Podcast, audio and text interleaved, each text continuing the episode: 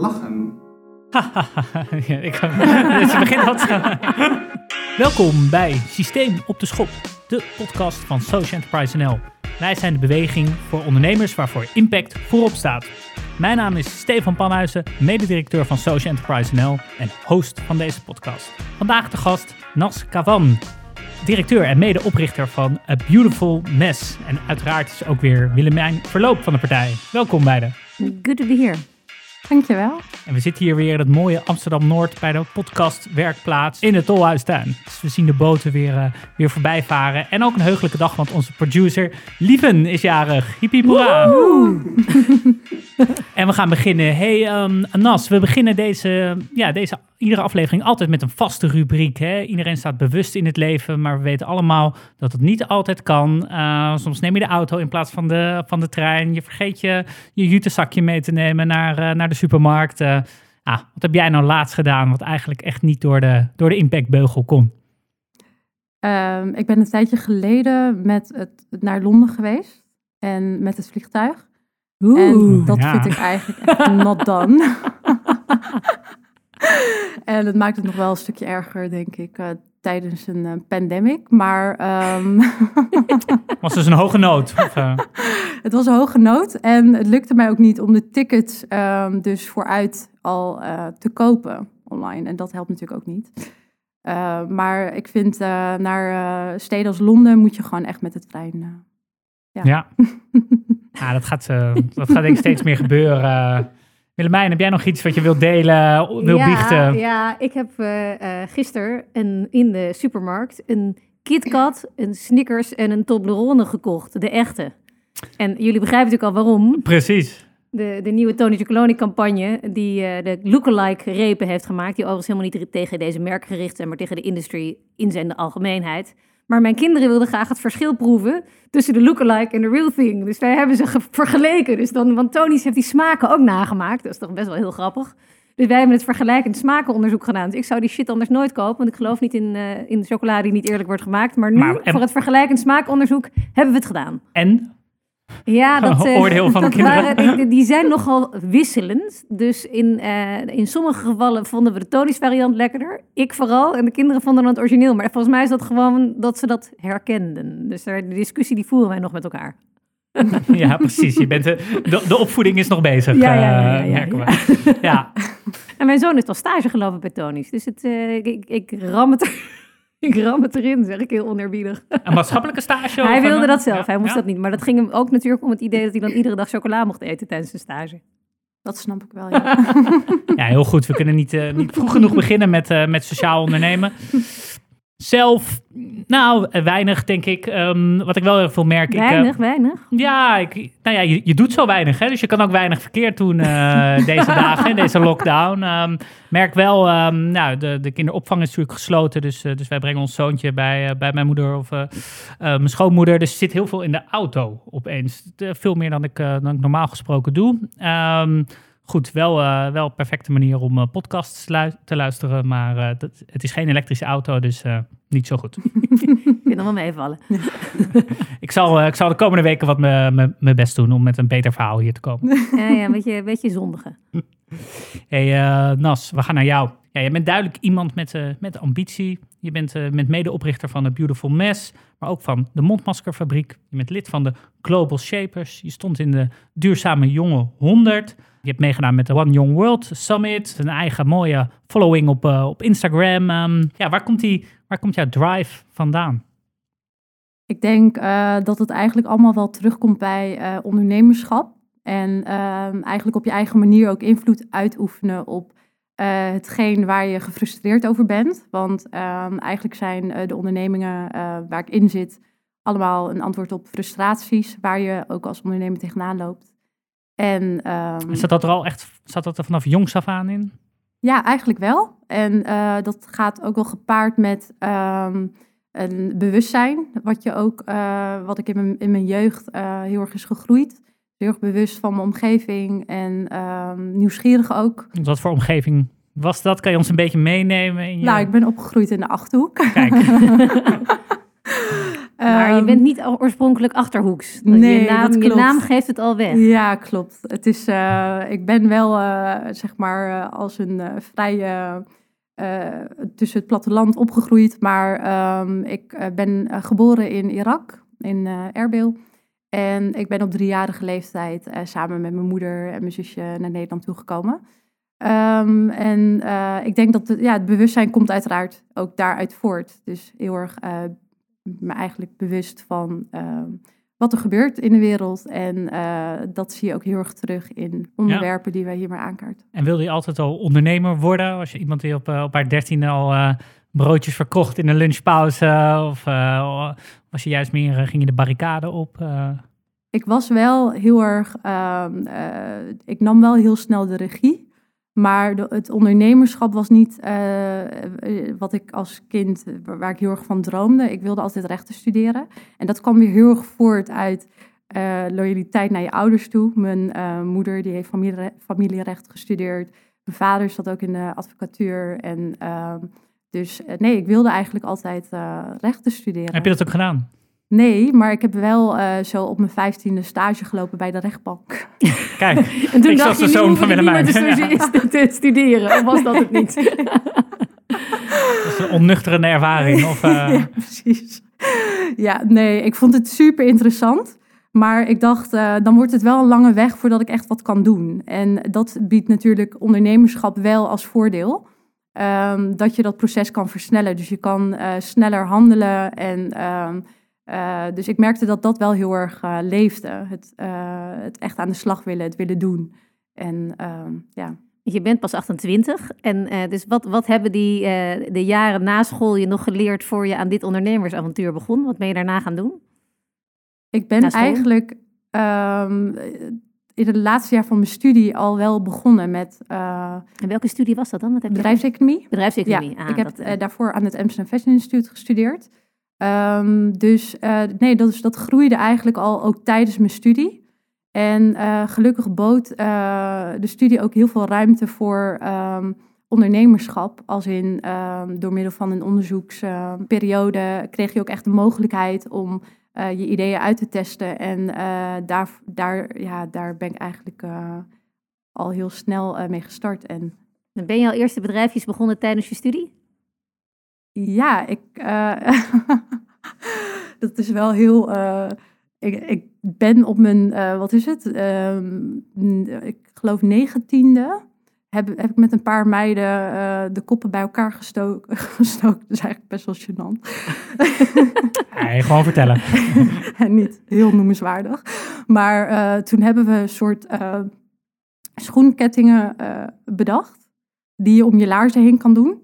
Want we dachten, ja, als we iets leuks verzinnen wat je om je schoenen heen kan doen, dan eh, willen we misschien minder schoenen kopen. Dus het ging wel over het Ja, koop, oude schoenen weer als nieuw maken. Ja, de duurzaamheid over- zat erin. over Ja. het koopgedrag eh, verminderen.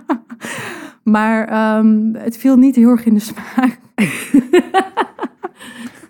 Heb je ze zelf nog? Draag je ze nog wel Nee, eens? ik vind ze zelf ook eigenlijk niet zo mooi. Hij heeft er vast heel veel van geleerd, moet je dan zeggen. Ja. Dus Ja. je doelgroepenonderzoek, eh, productonderzoek was nog niet helemaal, maar dat kwam na de bedrijfseconomie Ja, precies. studie begreep je wat de bedoeling was. Ja, precies. Ja, ja, Supermooi. ja. Heel leuk. Ja, en misschien wel goed om even nou ja, nu, nu door te gaan naar Beautiful Mess. Voor de mensen die het niet kennen, wat, eh, wat gebeurt daar? Ja, een Beautiful Mess is eigenlijk een eh textielatelier waar we lokaal met een eh, groep van kleermakers met een vluchtelingenachtergrond eh, duurzame producten produceren. Dus het biedt eigenlijk een antwoord op ehm, ehm, de grote mode-industrie die wel echt bekend staat om eh, ja, de slechte impact op het milieu natuurlijk, maar ook om de slechte werk- werkomstandigheden. Eh, dus het is heel erg vanuit de gedachte ontstaan dat er, eh, dat er frustratie leefde met betrekking tot de talenten die we hier in Nederland hebben. Die toch een, een groot netwerk, zeer getalenteerde mensen met, een, met geen toegang tot de arbeidsmarkt. eigenlijk in samenhang met eh, ook de grote textielafvalstroom die we als een klein, klein landje creëren. Eh, wat toch wel over eh, bijna 80 miljoen kilo textiel jaarlijks gaat. Ehm, en dat zet je wel aan het denken. En ehm, het is ook ehm, wat mij heel erg helpt, is om problemen op micro-level te benaderen en bekijken en daar ook naar te handelen. En daarvoor biedt lokale productie een hele goede uitkomst. Terwijl het eigenlijk een heel hele grote thema's zijn waar je op Ja, je richt. pakt Dus echt het is twee van de grootste issues. macro. Ja. De kledingindustrie is de top drie van de meest vervuilende industrieën ter Ja. wereld. En de vluchtelingenproblematiek, mensen aan het werk helpen in een ander land, zit ook toch wel in een eh, top drie van... eh, in ieder geval op hoe krijg je mensen aan een, een, een- met hun talenten weer aan het werk. Dus je pakt Ja. wel twee kleine onderwerpjes. Ga samen in één venture. ja, klopt, ja. Ja, een uitdaging eh, is het wel, ja.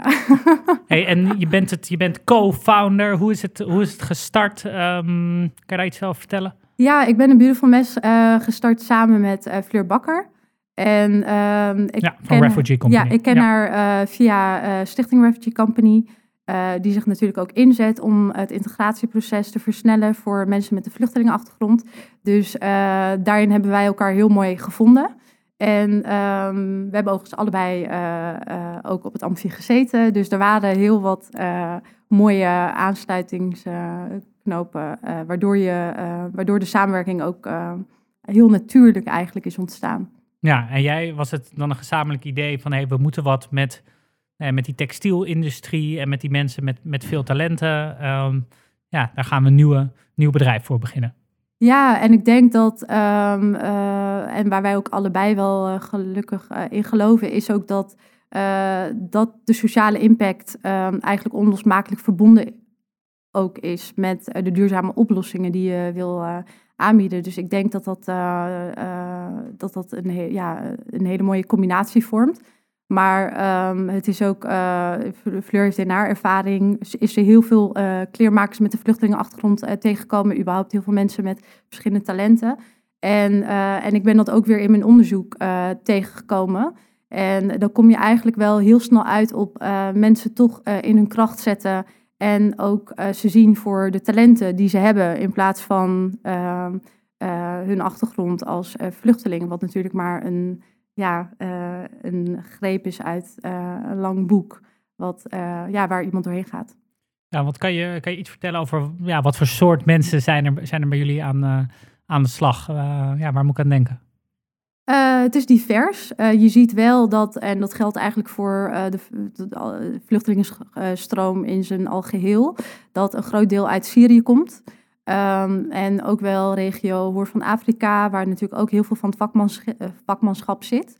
Ehm, maar kijkend naar eh, Syrië, daar was de textielindustrie zo'n twaalf jaar geleden voor de oorlog vergelijkbaar met de industrie wat het nu in de Global South is, in landen als Bangladesh, India.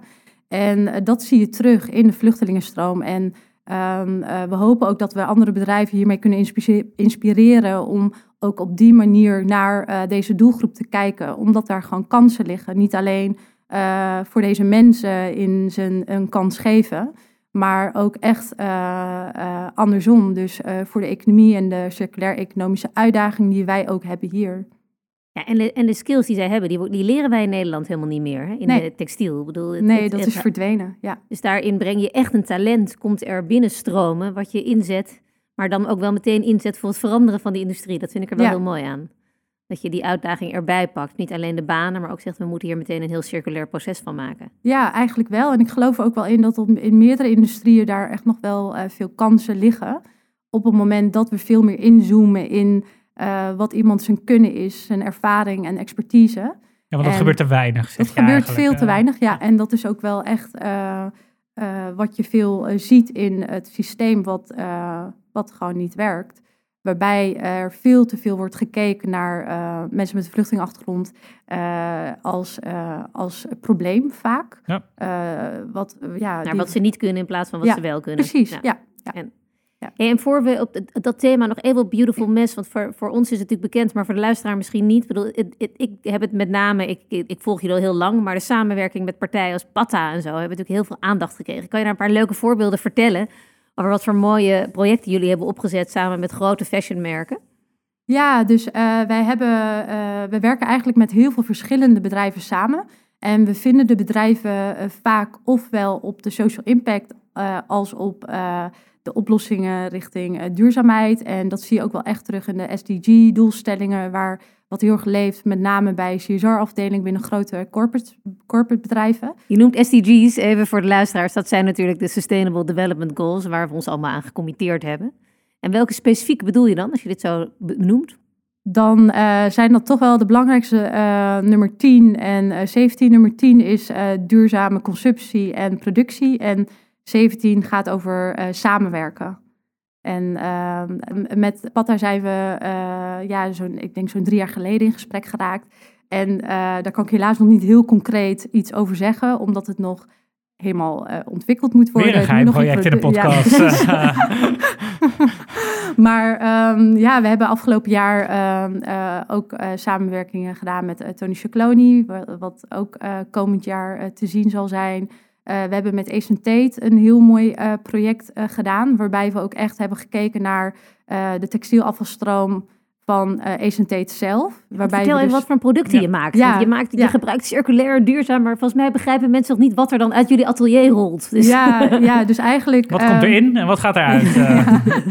Ja, dus eigenlijk alle producten die wij maken zijn ofwel uit um, uh, leftover fabrics gemaakt. Dus um, eigenlijk meterstof die we redden van de brandstapel ofwel uit uh, ja, de afvalstroom van de bedrijven zelf. En dat kunnen onverkochte collecties zijn, uh, maar dat, kunnen ook, uh, ja, uh, dat kan ook PVC-doek zijn in het geval van heel veel corporates waar we dat mee samen hebben gedaan.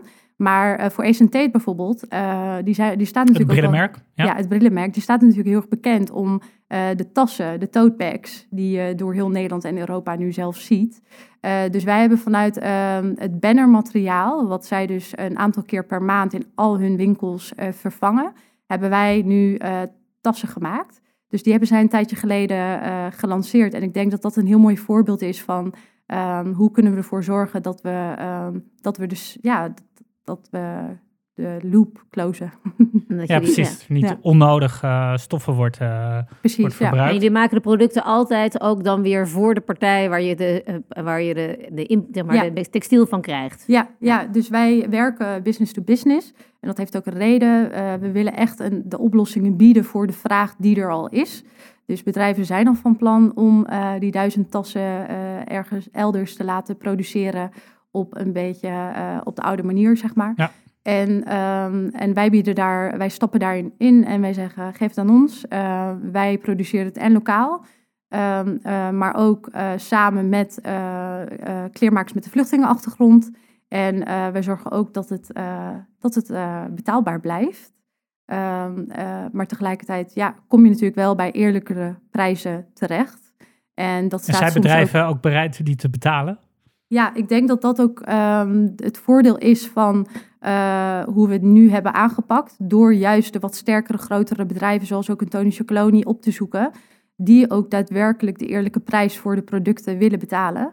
En dat ook natuurlijk heel erg uitdragen in hun uh, visie. Dus het zijn wel bedrijven waar we uh, waar, waar gedeelde uh, missies in zitten. Ja, ja want dat lijkt me moeilijk met die grote fashionbedrijven. Die willen ik ook, wel graag met jullie, want die denken, ja, wij denken hetzelfde, denk ik. Ja, ja, precies. Ja. Van, nou, dit, dit is zo'n mooi, uh, aaibaar project wat je, wat je hebt, hier hebt ontwikkeld. De onderneming en vluchteling aan het werk en mooie producten van reststromen. Daar kunnen we een mooie sier mee maken als vervuilende corporate. En dan noemen we een product met Beautiful Mess. En dus, dan doen we het weer goed. En dan doen we het weer goed. Dus ik bedoel, hoe ga je daarmee om? Want je, kijk, bij een bedrijf die zelf een sociale missie heeft, is het makkelijk. Maar eh, hoe, hoe, zorg je dat je niet de greenwash van hun wordt? Kun je ze echt in die bedrijven ook verandering creëren? Voel je dat je, moet je daar heel veel consultancy voor doen? Of moet je daar, wat heb je daarvoor nodig om die echt mee te trekken? Um, ik merk wel dat het uh, dus ook uh, op het moment dat we echt beroep doen op de SDG-doelstelling, waar heel veel bedrijven zich ook aan hebben gecommitteerd, uh, denk ik uh, dat op het moment dat je uh, de juiste aansluitingen vindt, dus of op sociale impact of op lokale productie, of, ehm, dan, dan kan je die samenwerking ook beter vormgeven. Um, en ik denk ook dat het een beetje met je eigen houding daar tegenover te maken heeft. Want ik geloof juist heel erg in samenwerken. En minder in bedrijven die die er heel anders in staan. Ja, jij zit er niet met het vingertje van... Nee, helemaal niet, Nee, nee ik, ik denk dat we, uh, dat we echt wel heel veel tijd kunnen wijden aan alles wat er niet goed gaat. En um, door toegang tot informatie die iedereen heeft en de stijgende consumentenbewustzijn gaan we daar ook wel naartoe. Maar ehm, ik wil vooral gewoon graag samenwerken en eh, ook laten zien hoe het wel moet. En ehm, op die manier de handen ineens slaan. Dus uh, ja, we, we werken met hele diverse bedrijven samen, waarvan ja, mensen ook wel eens zeggen van, moet je dat nou wel doen? En, uh, merk je daar wel een verschil in het samenwerken met, uh, met grotere bedrijven? Zoals jullie met Tommy Hilfinger dingen doen, versus nou, hele bewuste bedrijven als Tate, Tony's, Patta. Ja, dan kan ik me voorstellen dat ze allemaal leuk, snel schakelen met die corporates. ja, werkt dat anders? Of wat zijn wat zijn de belangrijkste verschillen daarin? Ja, zo, dus in de, in de samenwerkingen uh, zelf merk ik niet hele grote verschillen. Uiteindelijk heb je natuurlijk ook met, de mens, met mensen te maken. En uh, uh, is, het, is het echt te makkelijk om de bedrijven alleen maar voor hun reputatie te beoordelen. Dus um, binnen alle bedrijven met wie wij samenwerken, werken we eigenlijk met mensen samen die echt een verandering willen maken. En ook echt daar elke dag hun best voor doen binnen deze bedrijven. En dat maakt ook dat je vertrouwen groeit dat, uh, dat, die, uh, dat die veranderingen er wel uh, ja, gaan mooi komen. Gezegd. Want dat is, er zit ook altijd mensen. Mensen maken de verandering. Ja. Hey, en, en als jullie, als je kijkt naar de groei van de Beautiful Mess, van het, um, is het dan, waar zit je grootste barrière? Zijn dat meer, meer fashionmerken naar je toe trekken? Of is dat meer mensen die, die het vak goed beheersen? Wat zijn jouw groeiuitdagingen?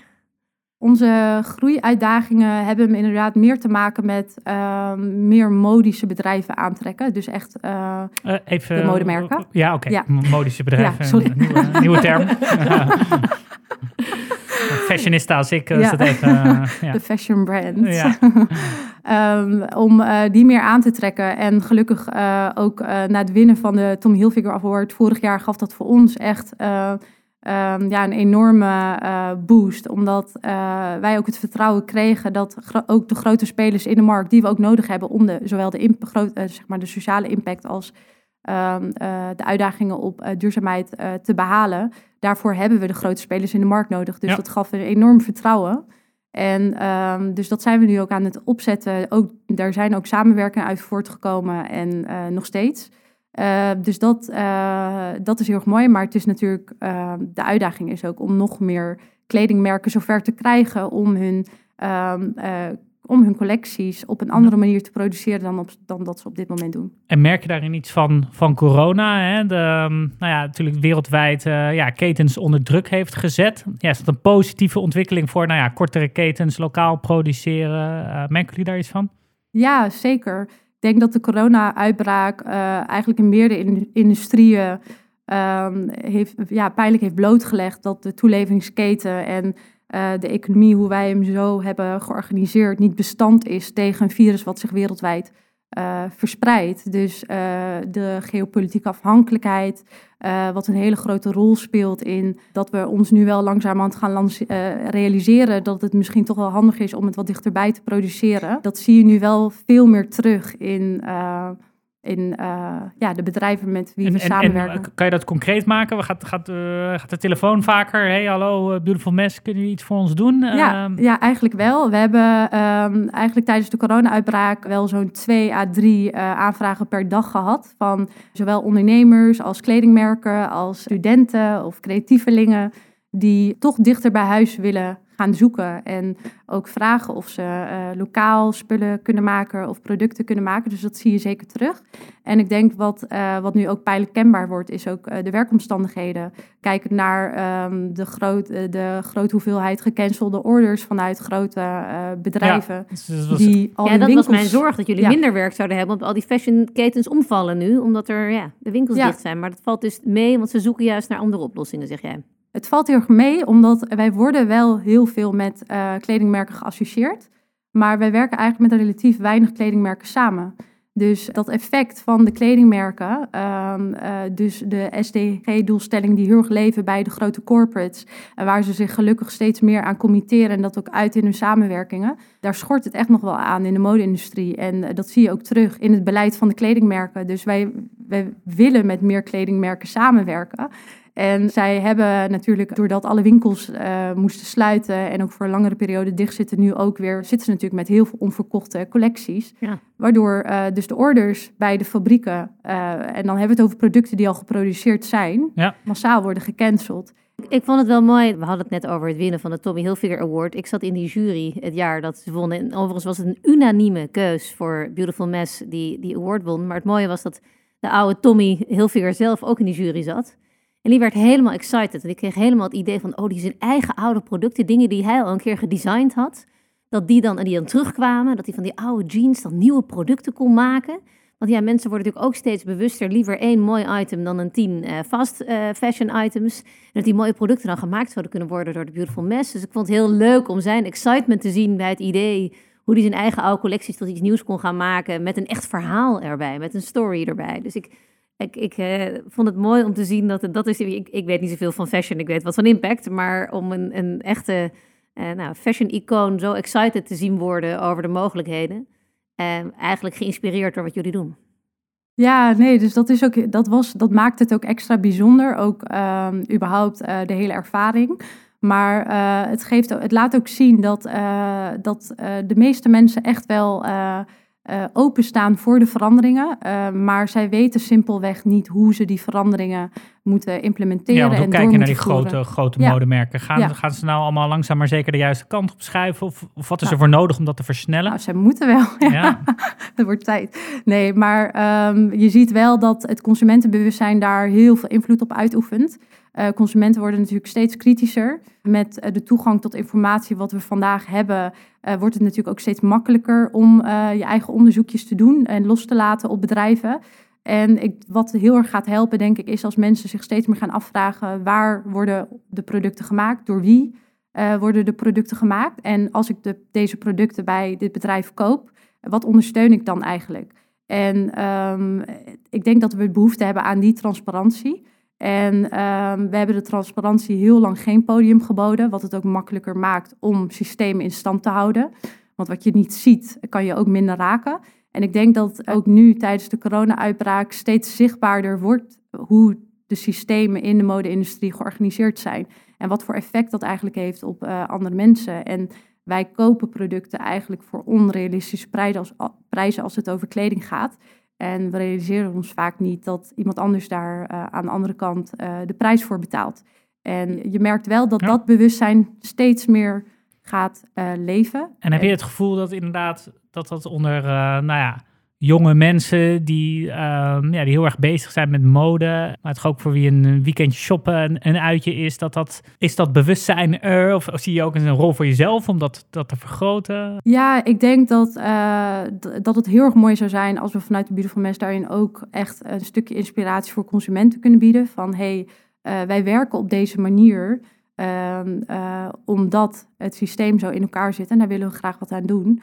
Uh, maar ik denk ook dat, uh, ik heb er wel vertrouwen in dat dat ook steeds meer bij uh, het overgrote deel van de consumenten ook echt wel aan het veranderen is. Je ziet dat natuurlijk ook wel met de opkomst van vintage winkels. Um, maar het, ja, het komt ook weer terug bij toegang tot informatie en ook echt wel een paar hele mooie activistische groepen in de, uit de mode-industrie die daar wereldwijd, um, die dit kenbaar maken, die opkomen eigenlijk voor uh, de werkers in de supply chain die eigenlijk hier uh, de dupe van zijn. En dan is er natuurlijk, ik, we hebben het als maar Beautiful Mess, is er ook nog wel eens wat verwarring? Want er zijn natuurlijk twee Beautiful Messen. Ik maakte de fout laatst ook. Je hebt Beautiful Mess het restaurant en uh, Beautiful Mess het makersatelier. Komen er nog meer beautiful messen bij? Of hoe, uh... nee, nee, ja, dus het kan, het kan soms verwarrend zijn, maar ik denk dat het, uh, uh, we dragen dezelfde naam, we leven dezelfde missie na, we werken ook nauw samen, dus het is... Um, dus voor de luisteraars, het Beautiful Mess restaurant is, is een, ander bedrijf eigenlijk. eigenlijk mensen in de horeca opleiden ja. om door te stromen als barista's. Ja, en, ja. Dus met name voor doorstromen. Dus mensen leren taal en, en, en werken in horeca en stromen dan door. En de mensen die jij in het uh, naaiatelier hebt, stromen die ook allemaal door? Of hou je daar ook een groot deel van vast? Hoe werkt dat voor jou?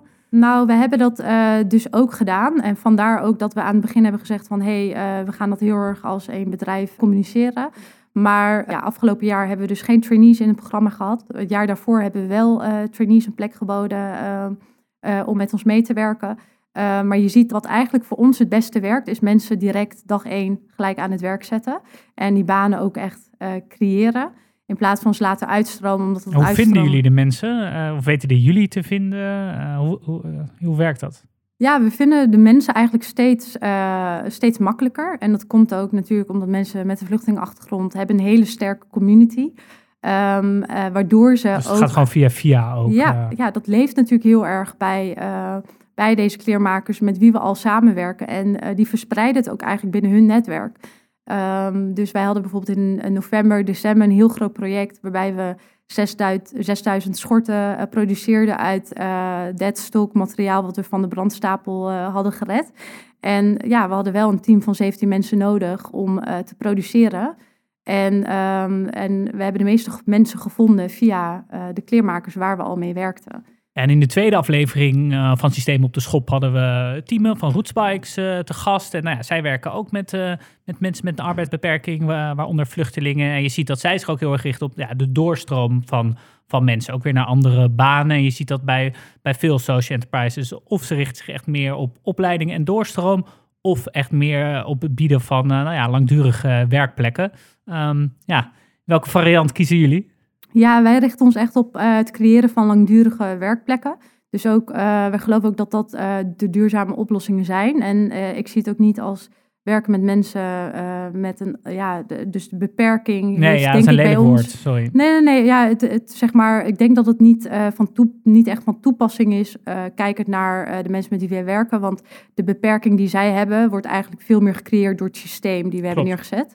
En dat heeft eigenlijk minder te maken met het kunnen van de mensen, want die staan juist heel erg in hun kracht.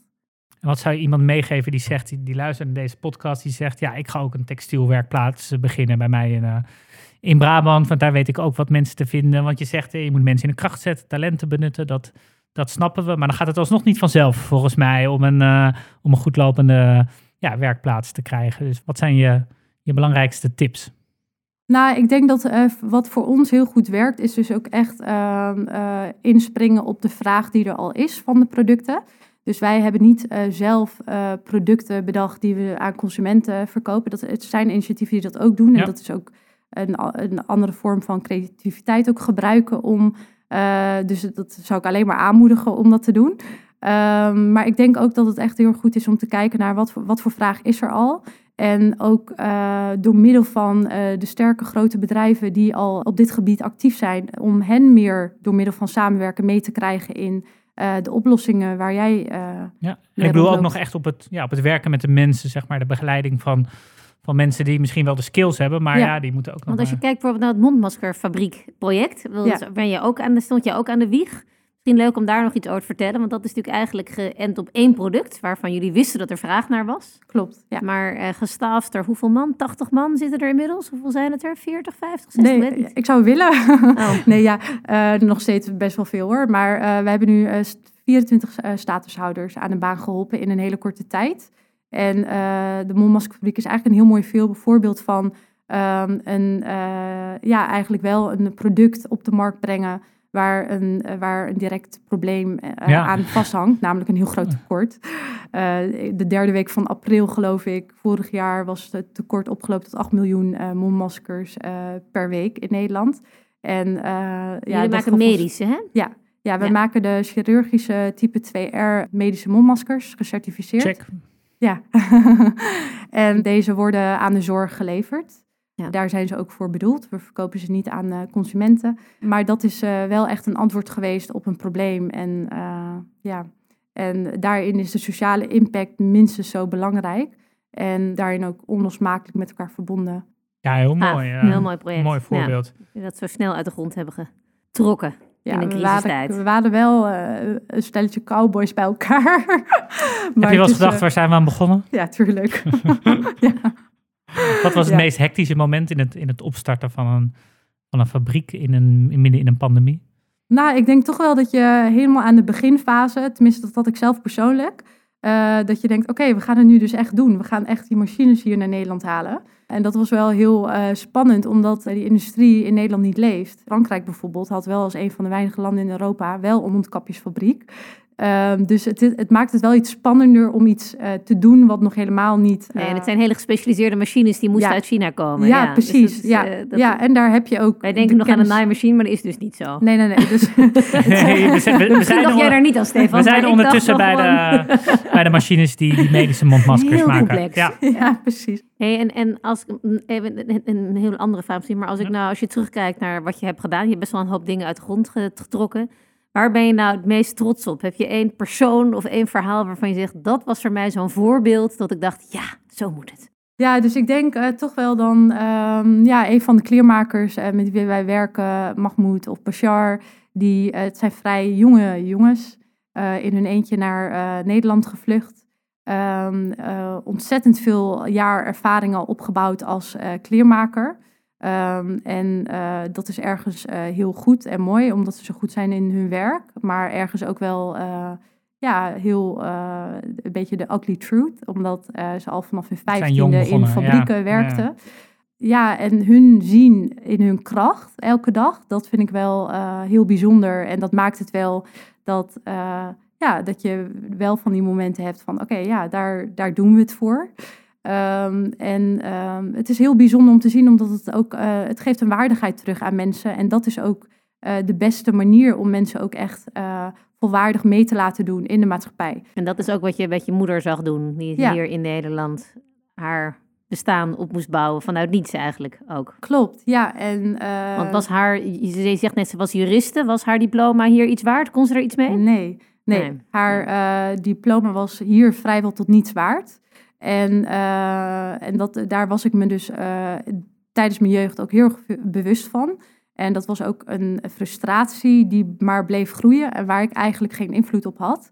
En uh, hetgeen wat wij nu doen heeft wel degelijk invloed op de mensen en hun toekomst en hun baan. Dus die frustraties zijn voor mij ook wel een katalysator geweest om ja, toch vooruit te bewegen en iets terug te kunnen doen. Nou, dat maakt ook wel nieuwsgierig, hè? Als, we, als we nog even de toekomst uh, inkijken. Je bent inderdaad nu, nu 28, je hebt uh, meerdere ondernemingen op je, op je naam staan. Hoe, uh, ja, wat mogen we nog meer van je verwachten? Ben jij echt een, een serial entrepreneur en komen er nog tien bedrijven? Of zeg je nee, nou ja, Beautiful Mess is, is over tien jaar twintig keer zo groot en daar ga ik helemaal voor? Ja, ik wil beautiful. Ik ben echt nog lang niet klaar met beautiful mes. En ik ben ook niet een uh, iemand die, uh, uh, ja, als ik me ergens aan vastkamp of ergens in geloof, dan laat ik dat ook niet zo snel los. Um, en ik geloof ook wel in de lange termijn oplossingen. en daar, ja, dus ik, nee, ik ben er nog niet klaar mee. Nee geen serial uh, entrepreneur. Nee, dat is ook, dat, ik vind dat ook heel verstandig. Als je midden in je opbouw van je bedrijf zit, dan ben je niet bezig met de volgende. Dan wil je gewoon dit uh, brengen waar je het naartoe wil uh, hebben. Dus ik vind het een hele... En je weet nooit of er nog heel veel nieuwe ondernemingen komen. nee. maar dit is nu wel zo'n mooi, zo'n mooie grote missie die je jezelf hebt opgedragen, zeg maar. Ja en, ik zou, ja, en ik zou het denk ik ook wel lastig vinden om het echt puur vanuit dat ondernemerschap en maar iets nieuws willen neerzetten te bekijken. Want uh, ik vind eigenlijk dat we wel uh, genoeg bedrijven hebben. We moeten juist zorgen dat de bedrijven meer de maatschappij gaan dienen in plaats van andersom. En dat maakt het ook dat ik niet uh, heel erg bezig ben met, oh, dan moeten ik moet maar weer een nieuw bedrijf opstarten. Nee. Helder, nou, hartstikke mooi ja, veel van geleerd. En volgens mij inderdaad is het overduidelijk dat ja, de problemen, de uitdagingen waar Beautiful Mess zich op, op richt, zowel binnen de mode-industrie nou ja, als binnen, binnen mensen met vluchtelingenachtergrond aan het werk krijgen, ja, zijn immens groot. Dus eh, ik denk dat we alleen maar heel blij mogen zijn dat jij uh, hiermee aan de slag blijft gaan. Dus dank daarvoor, Nas. en um, ja, je weet ook, uh, we sluiten deze, deze podcast altijd af met eenzelfde vraag. Dus voor, ja, voor welke andere social enterprise uh, wil jij nou eens even ongegeneerd reclame maken? Voor onze buren, we zitten nu in Noord, de Renewal Workshop. Uh, zij streven natuurlijk echt ook uh, enigszins dezelfde missie na, kijken naar het verduurzamen van de mode- en maakindustrie. Dus uh, dat vind ik wel echt een heel mooi voorbeeld van een bedrijf die daar een groot verschil in maakt. De Renewal Workshop, en, en die doen het ook voor bedrijven alleen. En dan kan je ja, als consument klopt. kan je daar niet naartoe met je, nee. met je kledingstuk nee. om het te laten Klopt. refurbishen, hoe zeg je dat in het Nederlands? Uh, ja, repareren. Repareren, ja, ja. maar zij doen het voor... Uh, ja, voor grote bedrijven die anders de spullen weggooien. Ja, en eh, dat is ook, eh, denk ik, ook waar een gedeelte ook van de oplossingen zit. Van, eh, er wordt veel te veel vernietigd of weggegooid. En het zijn, eh, ik ben er ook al een paar keer geweest de afgelopen tijd. Het zijn super mooie spullen en helemaal nieuw. En, ik heb eh, wel eens gehoord dat alles wat we... Dus ik wist al wel dat die dure fashionmerken alles verbranden... omdat ze niet ba- bang zijn dat hun Ja. mooie merk anders goedkoop verkocht wordt. Maar Ja. ik begrijp nu dus wat wij online kopen... en niet meer netjes in het zakje teruggeduwd krijgen... dat dat vaak al gewoon afgeschreven wordt... omdat ze de bedrijven niet de mogelijkheid hebben om dat weer opnieuw te verkopen. Ja, klopt. Dus producten worden eh, heel snel afgeschreven. Er hoeft maar een klein vlekje of eh, iets ja, kapot te zijn. En het, ja, het wordt al afgeschreven inderdaad. Daar moeten wij ons als online shoppers dus wel bewust van zijn. Ja, klopt. Dat we eh, niet iets in drievoud moeten bestellen en dan weer terugsturen. Ja, Want Ja. dat dat voor een heel groot deel op de waste-stapel terechtkomt. Ja, een precies. voor de luisteraars. ja, ja. ja, minder kopen. Minder kopen. Minder kopen, meer repareren. Meer repareren. Ja. Ja, Super ja. mooi. Hey, en als dat geheime project eenmaal voltooid is en het is bekend voor iedereen, kom je dan weer terug in de podcast? ja, zeker. Leuk. Super. Geweldig bedankt eh, Nas voor je, voor je mooie verhaal. Dankjewel ook Willemijn weer. Dank voor het luisteren. Dit was Systemen op de Schop. Vergeet je niet te abonneren in je favoriete podcast app. Dankjewel. Dankjewel. Dank.